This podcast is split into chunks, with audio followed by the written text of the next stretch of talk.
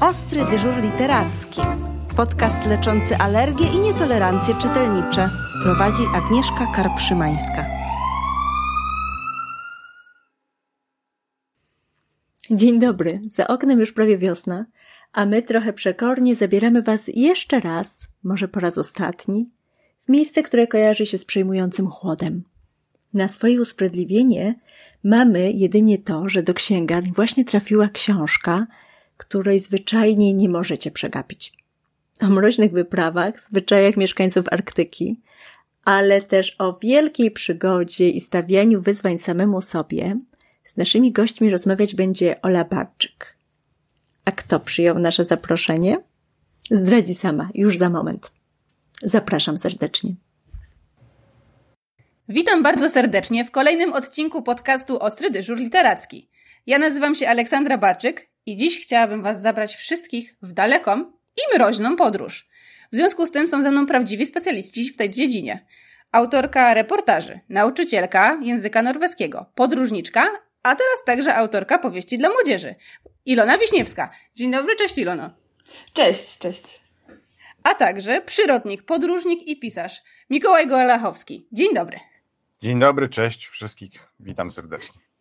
Na początku chciałam powiedzieć, że jest mi strasznie miło i nasze spotkanie pragnę zacząć bardzo klasycznie.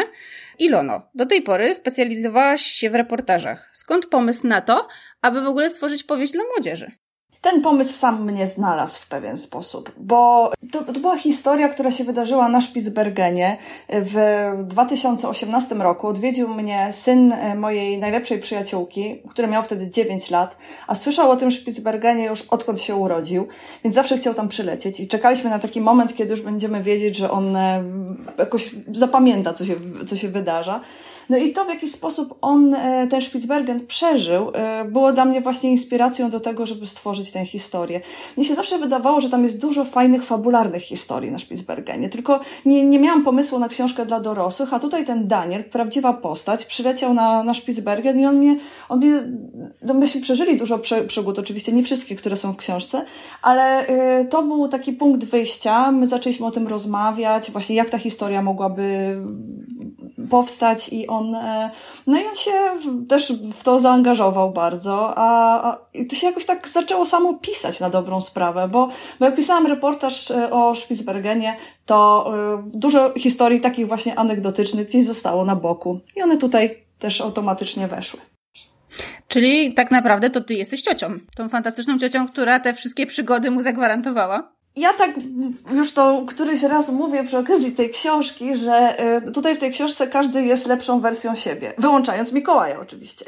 Bo, ale, ale y, ja jestem na pewno lepszą wersją siebie w tej książce, bo normalnie nie, po, nie przemieszczam się sama z bronią po Spitsbergenie, ani nie tropię kusowników i nie wiem, czy bym to robiła, więc y, to jest też taka ta, ta wersja, którą może ja bym i chciała być, bo zawsze marzyłam o tym, żeby być dziennikarką na Spitsbergenie, ale język języ znajomość języka mi wtedy jeszcze na to nie pozwalała. Więc no, jest to jednak e, fikcja w pewien sposób, bazująca na rzeczywistości. Mikołaju, natomiast ty od dłuższego czasu jesteś już twórcą literatury dziecięcej i powiedz nam, jaka to publiczność? Wiesz co, no niby jestem, chociaż nigdy o sobie w ten sposób nie myślę, ale ja w odróżnieniu od Ilony w ogóle nie mam kreatywnej wyobraźni żadnej. To znaczy, ja nie potrafiłbym wymyśleć jakąś, jakiejś historii, która by się nadawała do opowiadania komukolwiek, a jeszcze bardziej dzieciom. W związku z tym te moje książki faktycznie powstały dla dzieci jak dotąd trzy i czwarta w drodze, ale one wszystkie opisują rzeczywistość. To wszystko są książki popularno-naukowe w zasadzie, to znaczy o zwierzętach. Tam w jednej z nich musiałem jakąś fabułę stworzyć, ale to po prostu opisałem właściwie rozmowę z moją córką na temat pisania tej książki, więc powstała taka meta książeczka o Darwinie. Także ja właściwie jedyne, czego, o, o czym musiałem myśleć, to było to, żeby sformułować to, o czym opowiadam, w taki sposób, żeby było zrozumiałe dla powiedzmy 6 do 12 latka, czy latki. W sensie nie musiałem się martwić o to, czy fabuła ich zainteresuje, bo mm, myślę, że dzieciaki bardzo często mają jakąś tam fascynację zwierzętami Zwłaszcza jak się pisze na przykład o pupach zwierzęcych, no to wtedy wiadomo, że już samo to słowo wystarczy, żeby dzieci były zadowolone. Także no, miałem dużo łatwiejsze zadanie. Jedyne, nad czym się musiałem martwić, to nie to, czy ta akcja, aby ich porwie, tylko to, czy będzie jasne, o co mi chodzi. Ja w takim razie teraz uściślę, bo drodzy Państwo, drodzy słuchacze, rozmawiamy przy okazji premiery książki Ilony Wiśniewskiej Przyjaciel Północy, której akcja y, toczy się na Spitsbergenie i zastanawiam się tak z punktu widzenia młodego czytelnika, y, jak zaczęłam czytać tą książkę, więc też z punktu widzenia dorosłego czytelnika, tak myślę, że dla polskiej publiczności wiele zwyczajów jest bardzo egzotycznych. Więc zacznę pytaniem, czy naprawdę na Spitsbergenie nie zamyka się drzwi do domów i samochodów? Ja spędziłam na Spitsbergenie 5 lat y, i ten Daniel, y, bohater książki, on jest też trochę mną bo on się dziwi temu światu, do którego dotarł, e, tak samo jak ja się mu dziwiłam przez pierwszy rok, ja się w sumie mu dziwię do, do dzisiaj. I tak, rzeczywiście, to, to jest tak, taka, taka społeczność, która, której funkcjonowanie oparte jest na zaufaniu, więc rzeczywiście nie zamyka się drzwi do domów. Oczywiście niektórzy zamykają, na przykład moja szefowa z muzeum, w którym pracowałam, ona zawsze mówiła, że zamyka drzwi do domu tylko wtedy, kiedy jest w środku bo nie chciałaby, żeby ktoś na przykład wszedł, kiedy ona się przechadza w e, koszuli nocnej. Ale kiedy jej nie ma, to już jej nie, nie interesuje jej, czy ktoś tam wchodzi, czy nie. Więc to, to była taka przewrotność. I nie zamykało się na pewno samochodów, bo to jest bardzo praktyczne, żeby w tym zimnie, ciemnościach, wichurze, śnieżycach, żeby nie szukać kluczyków od, od samochodu, więc zostawa, zostawiało się w, w stacyjkach. Oczywiście czasami ten samochód znikał, bo ktoś go pożyczał, no ale na wyspie, gdzie nie ma praktycznie dróg, zazwyczaj się znajdowało te swoje zguby. Y, więc ja byłam zafascynowana też y, właśnie tym, jak taka społeczność może działać, bo to międzynarodowa, y, międzynarodowe grono, plus właśnie taka, taka najlepsza wersja ludzi, takich właśnie, którzy sobie ufają, którzy są otwarci, zapraszają się do domów i no i, i, i tworzą taką, taką świetną grupę w tych zimnych okolicznościach przyrody. A że tobie się zdarzyło, że czasem wyszłaś z domu i nie było twojego samochodu, bo ktoś akurat go pożyczył? Y, raz mi się zdarzyło, że nie było Sparka. Spark to jest takie, takie taki pojazd drewniany na długich płozach, którym się porusza w tych zimnych y, y, częściach świata po śniegu i tego kiedyś rzeczywiście nie było, jak, jak wyszłam z domu, ale znalazłam go później porzuconego gdzieś. Ktoś się pewnie spieszył i, i pożyczył. Ale mówisz też o tym, że generalnie ludzie wchodzą do domu, ale rozumiem, że wchodzą po takie rzeczy jak, nie wiem, pożyczyć szklankę cukru, czy generalnie tak zobaczyć, jaki sąsiad ma widok z okna. Nie, no wchodzą. To jest tak, że Norwegowie, tam w większości mieszkają Norwegowie, więc Norwe Norwegowie zazwyczaj sobie rzeczy nie pożyczają. Oni są bardzo y. Tam się nie chodzi po szklankę cukru. Ja się tego też, też nauczyłam tam. Jedyne osoby, które wchodziły nieproszone, to byli turyści, ponieważ turyści, y, którzy przypływają dużymi statkami na Spitsbergen, często myślą, że lądują w jakiejś takiej dekoracji przygotowanej specjalnie dla nich. To Mikołaj o tym pewnie wie bardzo wiele, bo dużo takimi statkami podróżował. Im większy statek, tym myślę większa y, nieświadomość tej grupy, która nim przypływa. No i oni rzeczywiście czasami wchodzili do, do domów i pytali, czy mogą korzystać z toalety, czy mogą kawy dostać, czy tam różne rzeczy się zdarzały, albo zaglądali przez okna. Jak się tam mieszka, to też bardzo łatwo, y, czy bardzo, ja to bardzo szybko w sobie też zaszczepiłam, żeby zachowywać się tak jak inni, czyli nie zaglądać ludziom przez okna, właśnie nic nie brać, co do mnie nie należy, mimo że to gdzieś znajduje się na przykład na środku drogi, że wszystko jest, ma jakiegoś właściciela i że, yy, i że nie należy być wścibskim. No i to tutaj tylko turyści zaburzali ten, e, ten, tę harmonię. Mikołaju, to skoro podróżowałeś tymi dużymi statkami, to myślę, że co nieco nam możesz opowiedzieć o takich podróżach, jak to wygląda. Nie, wielkimi statkami, to znaczy wielkim statkiem takim, który miał 3,5 tysiąca pasażerów, mhm. podróżowałem raz w życiu. Dwa dni tam spędziłem i to były dwa pierwsze i dwa ostatnie dni na takim statku w moim przypadku. Nigdy więcej nie chcę się znaleźć w takim mhm. miejscu. Znalazłem się tam tylko dlatego, że mój statek, dużo mniejszy, wpadł na skałę w Antarktyce w związku z czym e, nie, nie, nadawał się dalej. Myśmy byli wszyscy ewakuowani i akurat właśnie to monstrum nas wchłonęło i wypluło dwa dni później w Ushuaia ja z tymi ogromnymi statkami nie mam ochoty mieć nic wspólnego i dokładnie tak jak zasugerowałyście, właśnie im większy statek, tym ludzie mniej wiedzą i zresztą też mają inną motywację, to znaczy ci na tych gigantycznych statkach są głównie tam dlatego, że tam jest strefa wolnocłowa, kasyno i właściwie nie bardzo ich interesuje nawet dokąd oni pojadą. W Antarktyce oni nigdzie nie wysiadają. W takim Longyearbyen rzeczywiście mogą wysiąść i wtedy nagle populacja miasteczka się ponad e, dwukrotnie zwiększa i to wyobrażam sobie jako po prostu e, no, straszne przeżycie dla miejscowych.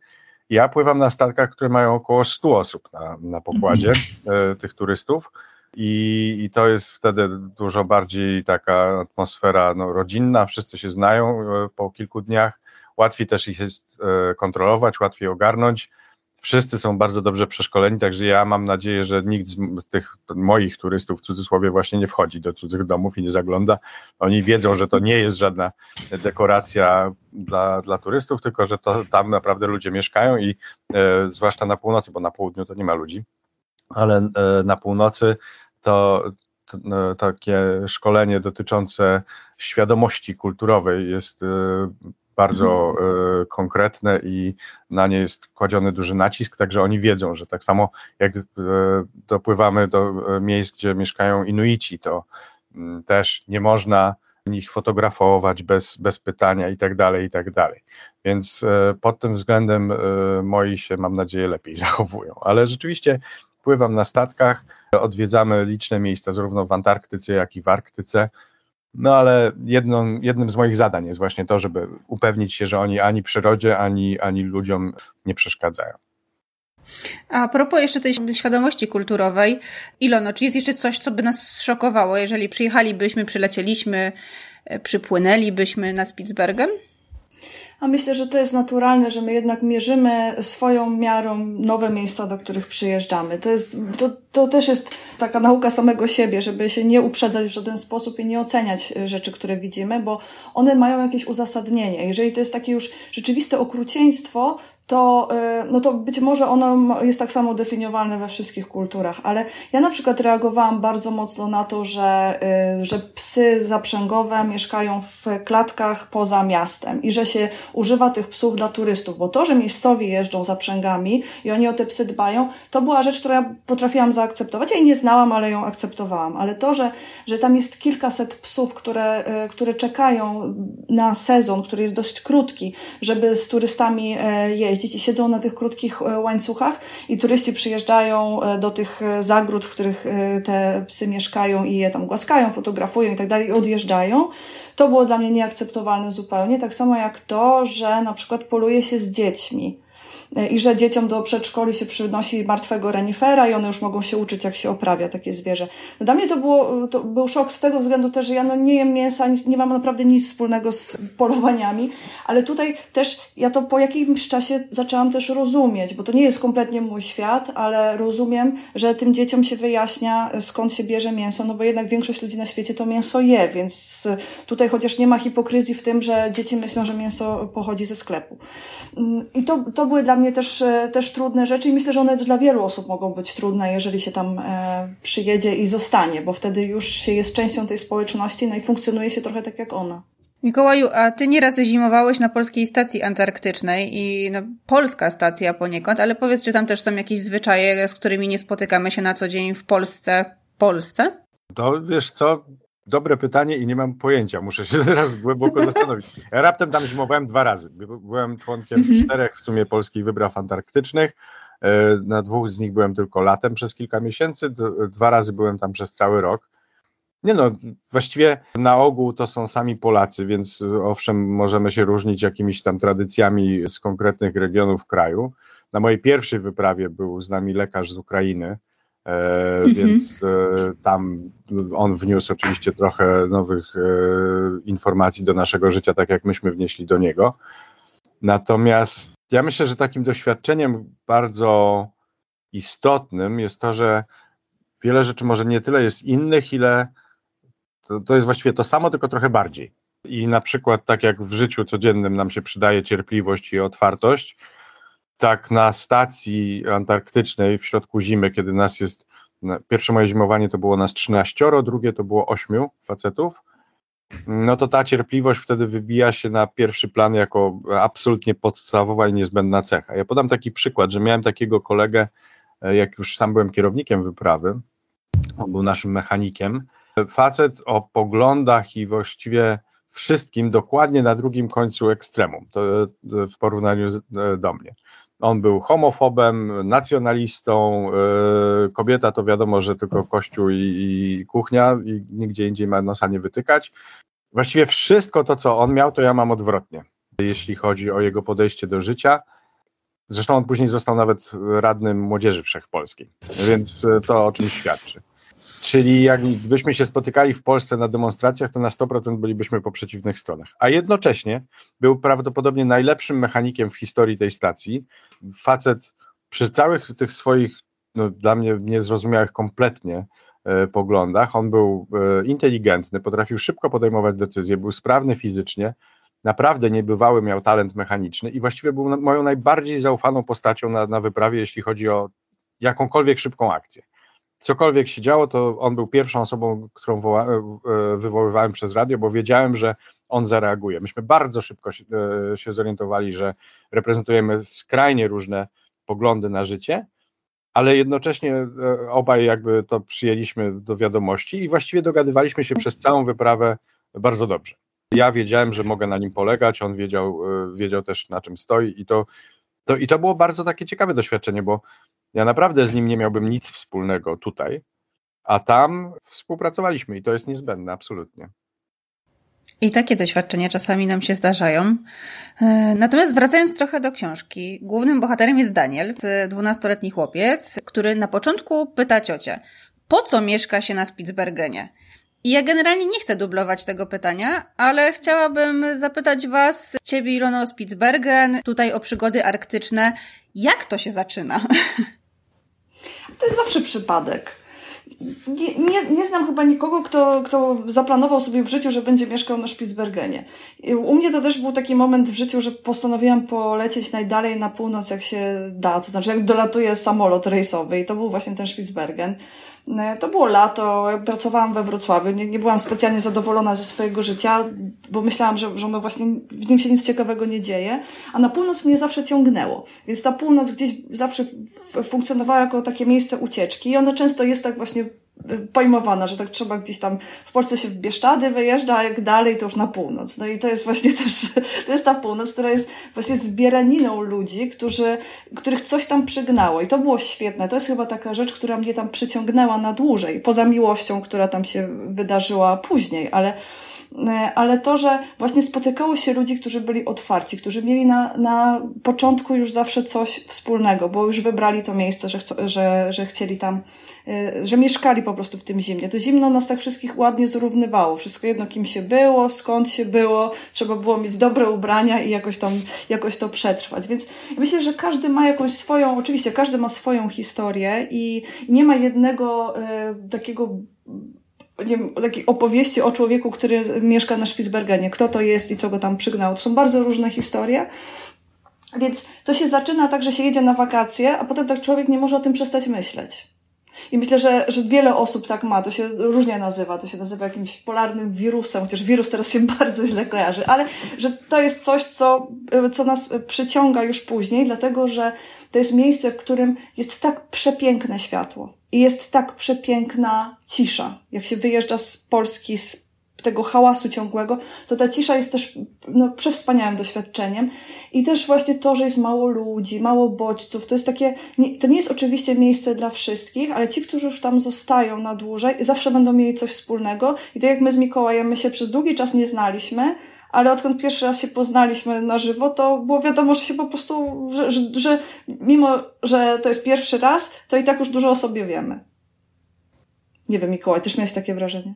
Tak, tak, tak. Po, no po pierwsze, po pierwsze e, dokładnie tak samo wspominam naszą znajomość, a po drugie, nawet ci nasi turyści, powiem tyle, że ludzie, którzy przyjeżdżają w takie miejsca na powiedzmy tydzień, czy tam przy dłuższych wycieczkach na jakieś trzy tygodnie, oni też już ulegają jakiejś mhm. takiej wewnętrznej preselekcji. To znaczy, ja pracuję jako przewodnik turystyczny e, od 2006 roku, czyli już kilkanaście lat. I przez ten czas przewinęło się przez moje ręce, mówiąc kolokwialnie, około pewnie 10 tysięcy osób. I w tym wielkim gronie spotkałem dwie osoby, które by, no nie chcę tutaj używać wulgaryzmów na, na antenie, ale no musiałbym, żeby je opisać. Powiedzmy tak. Zachowywały się kompletnie bez, bez szacunku i to właściwie sprowadzało się do tego, że braku szacunku okazywanego nie tyle nam, przewodnikom, y, ile y, na przykład marynarzom albo dziewczynom pracującym w restauracji na statku i tak dalej. Czyli taka, to traktowali ich po prostu z góry z arogancją, no i głupotą swoją drogą też. W każdym razie dwie osoby na 10 tysięcy. E, czyli ktoś, kto wybiera te, te, te miejsca, to już nie jest ktoś, kto na przykład chciałby wakacje spędzić leżąc dwa tygodnie na plaży w Hiszpanii, co dla mnie jest moją osobistą wizją piekła po prostu. Ludzie, którzy wybierają, wybierają życie w tych miejscach, no siłą rzeczy jeszcze bardziej e, są trochę szczególnie świrnięci. Ja pamiętam, dawno temu sobie uświadomiłem coś takiego na Antarktydzie, chyba na, w czasie mojej pierwszej albo drugiej wyprawy. Siedziałem sobie na szczycie takiego wzgórza w pobliżu naszej stacji, czy nie, właściwie nie tak bardzo w pobliżu, kilkanaście kilometrów od, od stacji i widziałem na śniegu daleko gdzieś tam u podnóża e, czyjeś ślady. No i nie wiedziałem, kto to był, kto tam mógł e, przechodzić, ale właśnie taka myśl mnie uderzyła, że o ile tak jak wszędzie gdzie indziej na świecie, widząc ślady drugiego człowieka, nie mam pojęcia, kto to był, to na Antarktydzie mogę być spokojny, że to na pewno jest mój przyjaciel, że to jest ktoś, komu mogę zaufać i z kim na pewno mam, e, mam bardzo po drodze, nawet jeżeli się jeszcze nie spotkaliśmy osobiście. Ja z tym, z tym moim uzależnieniem od tych rejonów polarnych, no to miałem poniekąd podobnie jak, e, jak Ilona, bo jako dzieciak bardzo lubiłem e, w ogóle książki o dalekiej północy i zawsze mnie ta Arktyka ciągnęła. Zresztą zawsze wiedziałem, że wolę jak mi jest zimno niż jak mi jest za gorąco. To może między innymi dlatego ta Hiszpania mi się jawi jako przedsionek piekła, ale tak, to, to były jeszcze czasy PRL-u, tam wyjeżdżanie za granicę wydawało się właściwie czymś takim kompletnie surrealistycznym i no tak się złożyło, że ta, ta północ mnie ciągnęła od dzieciństwa, ale, ale w sumie Później, jako, jako że zostałem biologiem, nagle się okazało, że łatwiej mi będzie jednak na południe pojechać, dalekie, dlatego że wtedy ta polska stacja była prowadzona przez Zakład Biologii Antarktyki. On teraz się nazywa Zakład Badań Antarktyki, więc jest trochę szerszą ma specjalność. Ten sam skrót pozostał. No ale Zakład Biologii Antarktyki siłą rzeczy dla biologa był łatwiejszą opcją. I pojechałem tam w takim momencie mojego życia, że też musiałem sobie sprawy przemyśleć. To znaczy, znowu tak samo jak Ilona, ja akurat wtedy kończyłem e, swój doktorat, jakiś etap mojego życia się zamykał. Wiedziałem już, że nie będę dalej pracował na Uniwersytecie Warszawskim, bo myślałem sobie, to ja sobie pojadę na, na rok na tą Antarktydę, bo tam już kilkoro, kilkoro moich znajomych było, przemyślę sprawy i zobaczymy, co dalej. No i co dalej się okazało, że to, ta jednorazowa przygoda skończyła się tym, że od 20 lat wracam tam co chwila i, i nie wyobrażam sobie życia bez, bez tych, tych miejsc. Do Arktyki dotarłem trochę później, bo w 2007 roku i niestety tam nigdy nie mieszkałem, zawsze tam e, już pływałem z turystami, ale, ale to też jest fajna możliwość poznania tych rejonów, bo jak się gdzieś mieszka, no to się poznaje jedno miejsce bardzo intymnie i to jest super. Ja nie wymieniłbym doświadczenia e, zimowania na Arstowskim, gdzie w sumie spędziłem tam, jakby tak dobrze policzyć, to prawie trzy lata e, w czterech kawałkach nie wymieniłbym tego doświadczenia na nic. To było cudowne, absolutnie wspaniałe przeżycie, żeby obserwować, jak przyroda się zmienia, jak to wszystko się rozwija, zwierzęta przychodzą, odchodzą i tak dalej, i tak dalej. Natomiast y, jako przewodnik turystyczny docieram w mnóstwo takich miejsc, gdzie bym normalnie nie dotarł, więc to mi się też bardzo podoba. Czyli Arktykę znam jakby mniej intymnie, ale, ale mam jakieś tam szerokie spektrum geograficzne pod tym względem. A jak później z takich wypraw, z takiego życia przyjeżdża się do Polski? To może ja powiem, bo, bo ja, moje, moje pierwsze doświadczenie było no, dosyć zabawne moim zdaniem, dlatego że no, Arcowski nie jest miasteczkiem, nawet tak, tak fajnym e, jak, jak Longyearbyen. I między innymi oznacza to, że tam nie ma też sklepów ani knajp. Ja po pierwszym moim roku na Arctowskim trzy razy miałem taką żenującą sytuację w Warszawie. Raz była ona no, potworna, żenująca jednocześnie, bo raz tam wyszedłem ze sklepu i zapomniałem zapłacić, to później wracałem przez pół Warszawy, drugi raz tam jak, z jakiegoś sklepu, tak, z jakiegoś tam kebaba czy czegoś takiego, ale raz pamiętam, chyba pierwsze z tych doświadczeń było takie, że e, poznałem koleżankę, wybraliśmy się razem na kolację, byliśmy w bardzo dobrych nastrojach, wychodzimy z tej restauracji, e, roześmiani i rozgadani i nagle wybiega za nami kelner, bo zapomniałem zapłacić. Więc ja wręczając mu, oczywiście zacząłem się płaszczyć przed nim strasznie, przepraszać go i tak dalej. Dałem mu napiwek, który pewnie był większy od tego rachunku oryginalnego, bo byłem strasznie zażenowany i tłumaczę mu, wie pan co, przepraszam, ja po prostu zapomniałem, ja przez rok byłem na Antarktydzie i tak słyszę swój głos i myślę sobie, Boże, no trudniejszego wykrętu to naprawdę nie da się wymyśleć. Ona już tam była rozchichotana, bo wiedziała, że akurat nie mówię nieprawdy, tylko że rzeczywiście tak jest. On patrzył na mnie jak na debila i słusznie. Ja się czułem kompletnie jak debil właśnie. Jak już, ale jak już mi ten wstyd przeszedł i on się udało udobruchać i wrócił, ja tak, tak, taka moja druga myśl była, no kurczę, jeżeli można zapomnieć, że istnieje coś takiego jak pieniądze, no to, to jeżeli to nie jest wolność, to ja nie bardzo mam pojęcie, co jest wolnością. Nie? I mhm. później, tak jak mówię, mi się to jeszcze ze dwa razy zdarzyło w mniej żenujących okolicznościach, ale, ale potem już wiedziałem, że tak może być. I żeby było ciekawiej, z moich rozmów właśnie z poznanymi w czasie tej pracy jako turysta ludźmi z innych stacji, e, wszyscy mieli podobne doświadczenie. W Nowej Zelandii, w miejscach, z których odprawiają się amerykańskie E, wyprawy i do których wracają. E, w tamtejszych knajpach ludzie już wiedzą, że to, ten, to, że ten polarnik e, bierze piwo i nie płaci, to nie dlatego, że jest złym oszustem, on po prostu autentycznie zapomniał o tym, że i trzeba być cierpliwym i już na nich nie wrzeszczą, ponoć tylko się upominają grzecznie. Tak, to wspaniała jest myśl, że właśnie można, że tak szybko można o tym zapomnieć. Fantastyczne. Ja nie jeździłam na ekspedycje takie jak, jak Mikołaj, tylko mieszkałam tam i miałam zwykłe życie.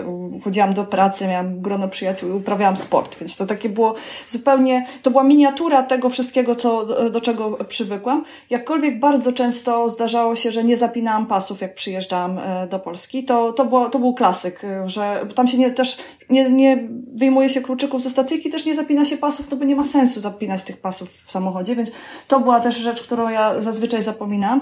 To co ciekawe, to to, co się działo z ciałem, bo y, z, żeby ze Spitsbergenu się dostać do Polski, to były zazwyczaj dwa albo trzy samoloty. I ja zazwyczaj już w tym y, ostatnim przed Polską, lecącym do Polski, już byłam chora.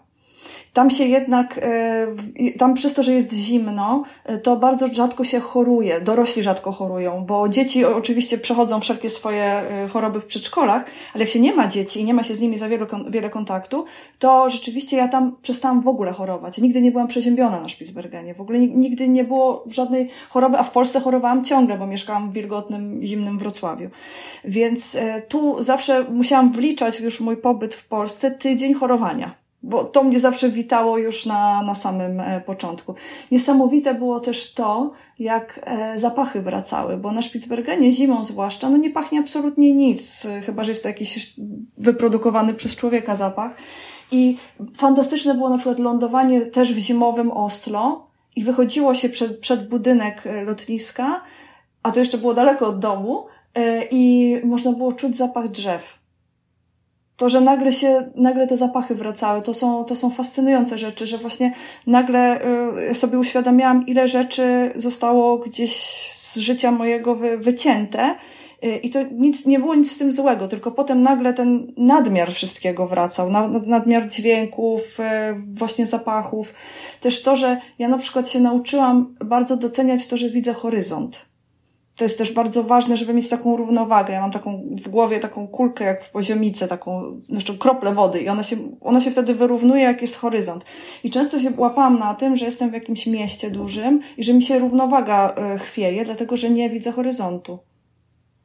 I to są chyba rzeczy, które już, już na, zostają w, w człowieku. Ja sobie też, tak jak Mikołaj mówił wcześniej, ja też tutaj czasem utyskuję na tę zimę. Teraz mieszkam w Tromsø, czyli tym największym mieście północnej Norwegii. Jakbyście zobaczyli u, u mnie z śniegu, to, to jest to, y, śniegu u nas jest do maja bardzo dużo.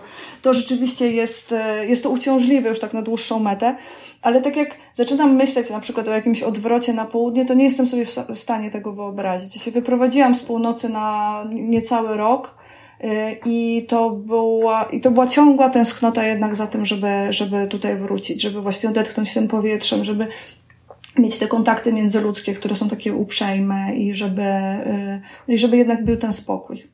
Tak, to ja mogę tylko potwierdzić, że właśnie też miałem taką refleksję po e, którymś powrocie z Antarktydy, że fascynujące jest to, że tam można sobie coś odmrozić, można zamarznąć na śmierć, ale przeziębić się nie da. Więc, e, bo nie ma czym. I faktycznie też absolutnie jest normalne, że najpierw trzeba odchorować e, powrót. Niesamowite rzeczy, też na Antarktydzie jest bardzo sucho mimo że tam są i deszcze i śnieg czasem i tak dalej, przynajmniej tam, gdzie jest polska stacja, bo oczywiście dalej to już mniej. E, natomiast ja zauważyłem też i mam taką teorię, chociaż nie zweryfikowałem jej z nikim mądrym, więc pewnie jest ona kompletnie do bani, ale zauważyłem, że mi się tam bardzo wolno gonią, golą skaleczenia na przykład że e, jako, nie żeby się babrały, tylko po prostu jakoś tak wolno, tak jakby mój układ cały immunologiczny powiedział, ok, tutaj nie mamy nic do roboty, idziemy spać. E, i, i że, że w ogóle nie ma żadnej stymulacji.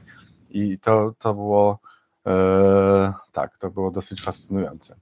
Tutaj jest to samo, tutaj też jest bardzo sucho i jest, e, to, to, się widzi najbardziej po tym, jak na przykład z e, lata arktycznego północnego przylatuje się do Polski.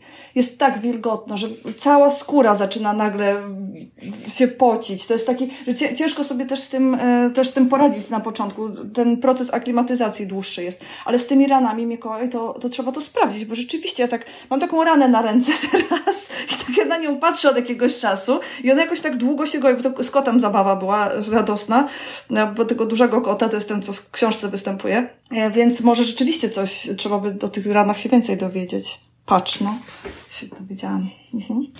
Wchodząc jeszcze z powrotem do książki i do Daniela, generalnie dla Daniela wyprawa jest ogromną przygodą. Natomiast ja mam wrażenie, że bardzo często dla współczesnych dzieci samą przygodą jest nocleg w namiocie.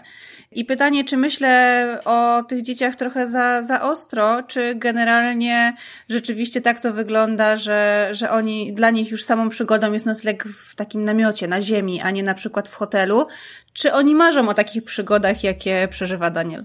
Ja myślę, że dla wielu dorosłych nocleg w namiocie to już jest wielka przygoda, bo to było widać właśnie na Spitsbergenie, jak wiele eks takich ekspedycji, niektóre były pseudoekspedycjami, przylatywały i robiły jakieś wielkie, wielkie naprawdę były to przygody, które przeżywali. A przeżywali je no, tam w, jeszcze w, w ramach miasta, jeszcze w granicach miasta, więc to też było urocze. No, a z drugiej strony też można to zrozumieć.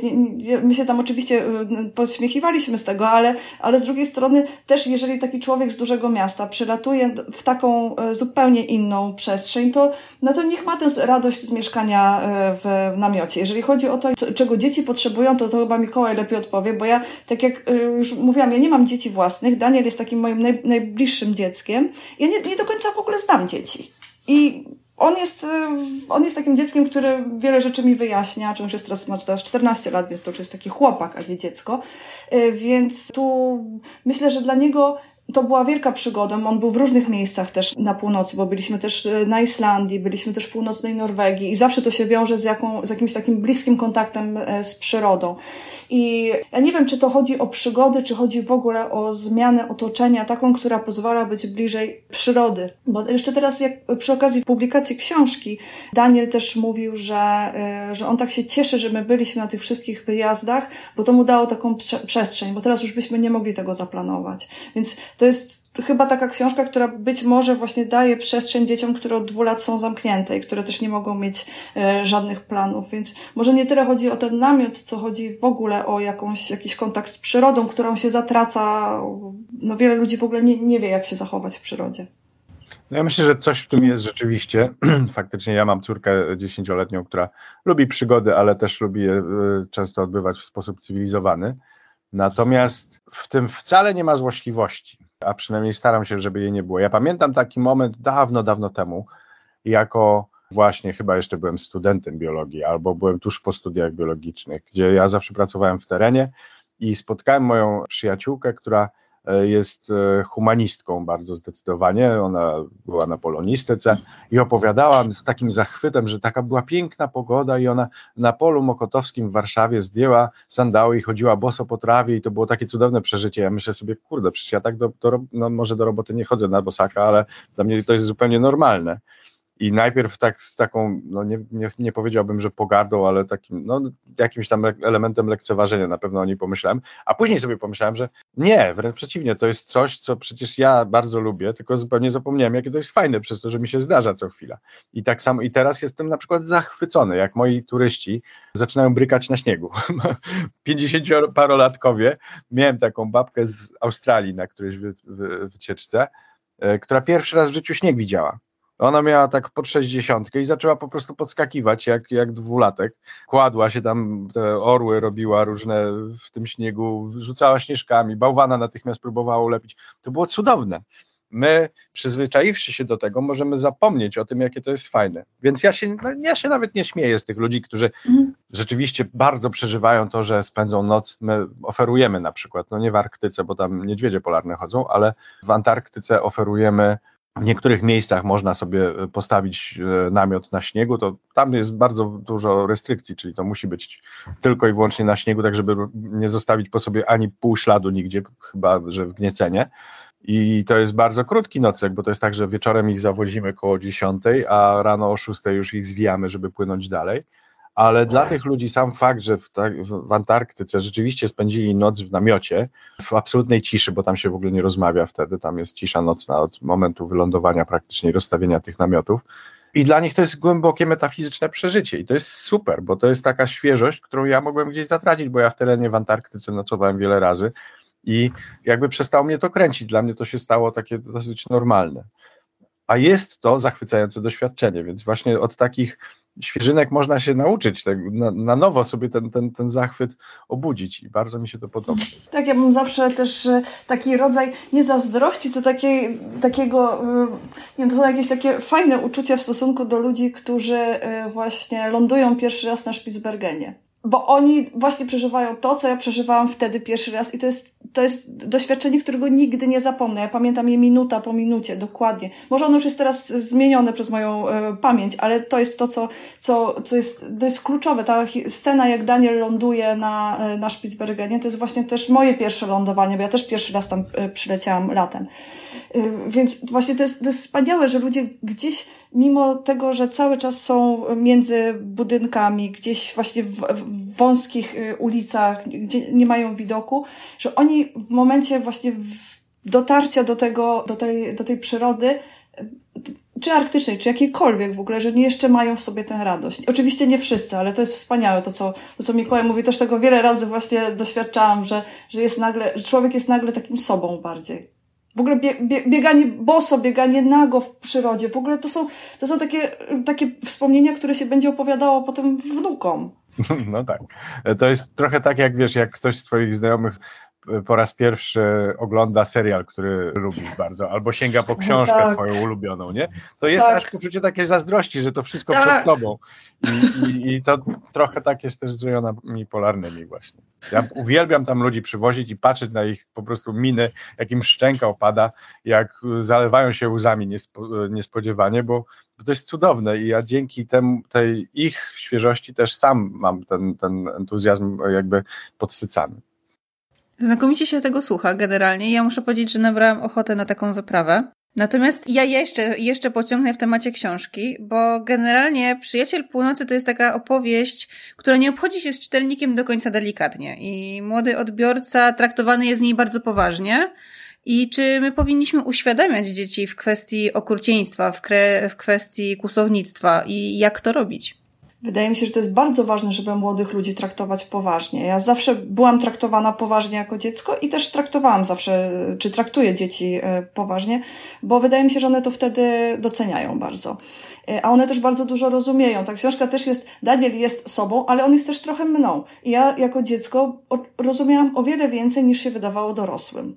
Te rozmowy, które się między nimi toczyły przy świadomości takiej, że to przecież ja tego nie rozumiem, to to był błąd i, i tutaj też Daniel ma tę świadomość. E, on ma o wiele większą świadomość niż właśnie nam się wydaje. I, i też to, że ja się też no, ja się nauczyłam tego na północy, że tutaj ta przyroda, ona nie jest taka, jak my jesteśmy przyzwyczajeni na zdjęciach, że, że jest, są ładne zwierzęta, że jest ładna pogoda. Tam jest naprawdę ona brutalna. My jesteśmy częścią, małą częścią y, dzikiej przyrody, która no, sama ze sobą się obchodzi w, w taki, z naszego punktu widzenia, brutalny sposób.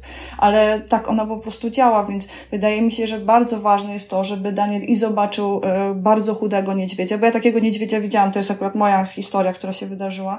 I, I też, ja też jako dorosła zadaję sobie pytanie, czy można coś dla niego zrobić, bo to jest naiwne, ale też bardzo ludzkie pytanie, czy można w jakiś sposób pomóc tej, y, pomóc tej przyrodzie. A y, jest jeszcze inny aspekt tego właśnie, że ja widzę tego niedźwiedzia i widzę go z pokładu jakiegoś statku, czyli ja jakoś tam przypłynęłam. Ja się też dokładam do tego, że ten, że te zmiany klimatu zachodzą właśnie tak szybko, y, jak zachodzą. Więc tutaj nie ma łatwych odpowiedzi, bo po prostu tych odpowiedzi nie ma. I uczciwie podchodząc do młodego czytelnika, właśnie chyba warto pokazać tę niejednoznaczność. Tak, tak. Ja jestem przekonany, że dzieciaki rozumieją dużo więcej niż nam się wydaje.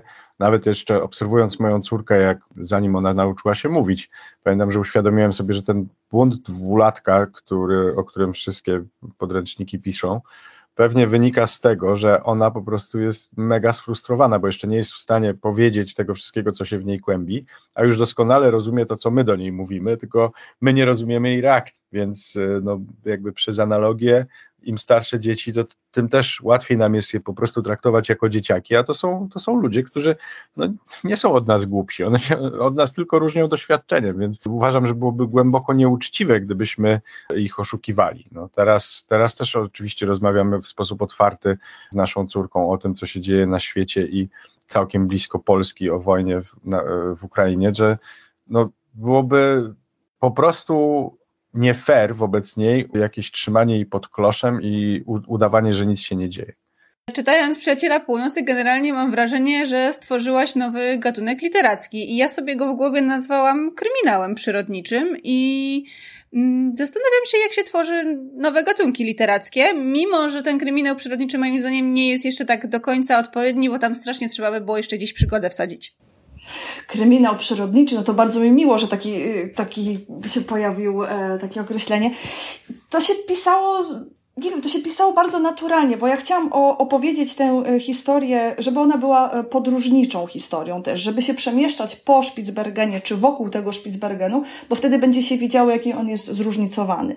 Było dla mnie ważne też to, żeby byli tam bohaterowie, którzy są przedstawicielami różnych generacji, żeby oni opowiedzieli temu młodemu, przyjezdnemu właśnie o tym, jak tam było kiedyś, bo oni są świadkami katastrofy klimatycznej, naocznymi świadkami.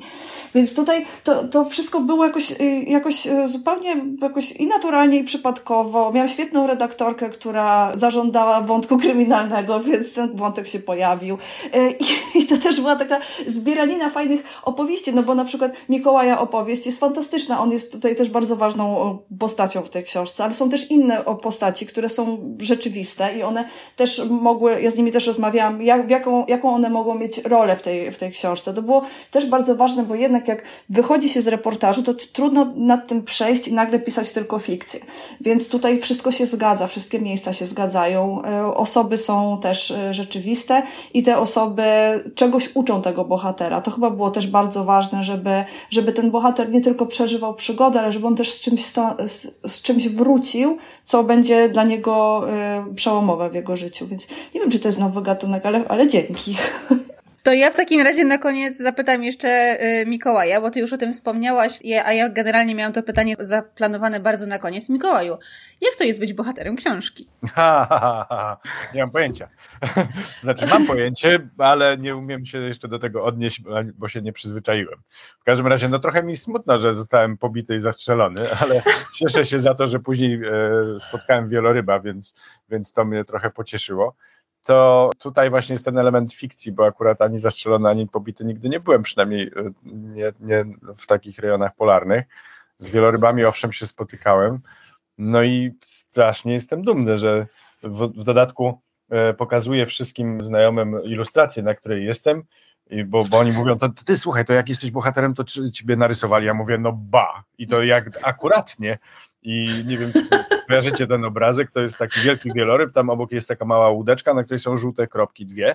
Jedna z nich to jest e, mój pasażer, a druga to jestem ja. Ja uważam, oddany zostałem po prostu ze stuprocentową dokładnością i to właśnie jestem ja jako ta żółta kropka przy silniku Zodiaka.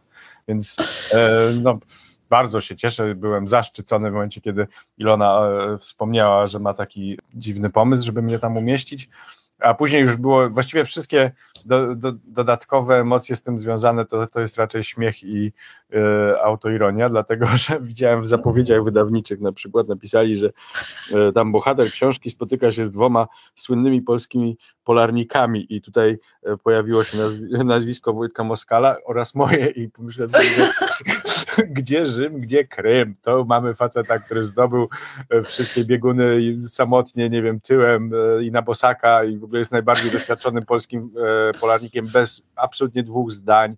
Nie ma w Polsce człowieka, który by tyle ekstremalnych rzeczy porobił, a przy okazji tak skromnego, tak, e, tak, e, tak fantastycznego jest. jak on. Oraz ja, który po prostu się wożę po świecie na statkach, więc jestem bardzo słynnym polarnikiem, ale jakby w ogóle, w ogóle nie z tej, nie z tej klasy i dziedziny, więc raczej raczej głównie jest śmiesznie być bohaterem literackim, tyle powiem, zwłaszcza jeżeli jest poró jestem porównywany do prawdziwych postaci ze Spiru. Ale sam Wojtek, bo napisał do mnie parę dni temu, bo książkę dostał i właśnie mówi, Boże, jaki jestem teraz dumny, jak ja się obnoszę z tą książką, po prostu jest, jestem, chodzę dumny jak paw. Także ale no tak, też... ale to też trzeba mieć jego po prostu fantastyczny charakter. Ja go absolutnie Oczywiście. uwielbiam i ja też. to jest niesamowity facet zupełnie. Muszę powiedzieć, że bardzo mi jest przykro, że, że muszę teraz powiedzieć, że, że strasznie Wam dziękuję za tę rozmowę i że będziemy tym pozytywnym i jakże radosnym akcentem kończyć. Strasznie mi było miło, drodzy słuchacze. Moimi gośćmi dzięki y, wydawnictwu Agora dla Dzieci była niesamowita autorka, podróżniczka Ilona Wiśniewska. Dziękuję bardzo. Oraz podróżnik z ogromnym poczuciem humoru, Mikołaj Golachowski. Dziękuję bardzo i pozdrawiam serdecznie. Dziękujemy, pozdrawiamy i czekamy na więcej opowieści. Do widzenia. Do widzenia.